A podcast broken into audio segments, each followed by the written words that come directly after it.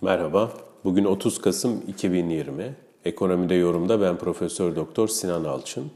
TÜİK tarafından bugün 3. çeyrek büyüme rakamları açıklandı. Rakamlara göre 3. çeyrekte yıllık bazda %6.7'lik bir büyüme ortaya çıkmış durumda.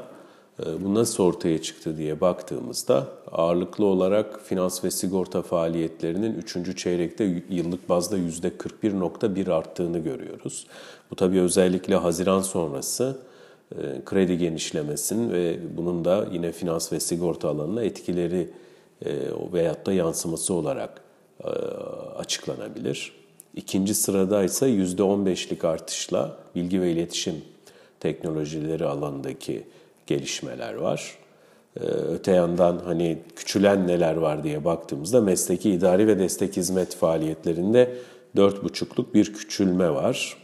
Yine cılız olarak büyüme gösteren hizmet sektörü var. 0.8 sadece büyüyebilmiş yıllık bazda. Bunlar bir araya getirildiğinde 6.7'lik bir büyüme işaret ediyor. Çeyreklik bazda ise 15.6'lık bir büyüme görüyoruz. Devletin nihai tüketim harcamalarında da 2020'nin 3. çeyreğinde %1.1'lik artışı olduğunu görüyoruz. Öte yandan ihracatta bir azalma, ithalatta artış var aslında Türkiye ekonomisi açısından baktığımızda da kendi normal patikasına döndüğünü ifade edebiliriz bu yönüyle. Burada belki hani özellikle altın çizilmesi gereken gayri safi sermaye yatırımları var. Uzun süredir ya negatif ya sıfır seviyesinde devam ederken %22,5'luk bir artış var. Bu tabii ki önümüzdeki dönemlere ilişkin olumlu bir gösterge. Dördüncü çeyrekte, üçüncü çeyrekteki pozitif baz etkisinin negatife döndüğünü göreceğiz.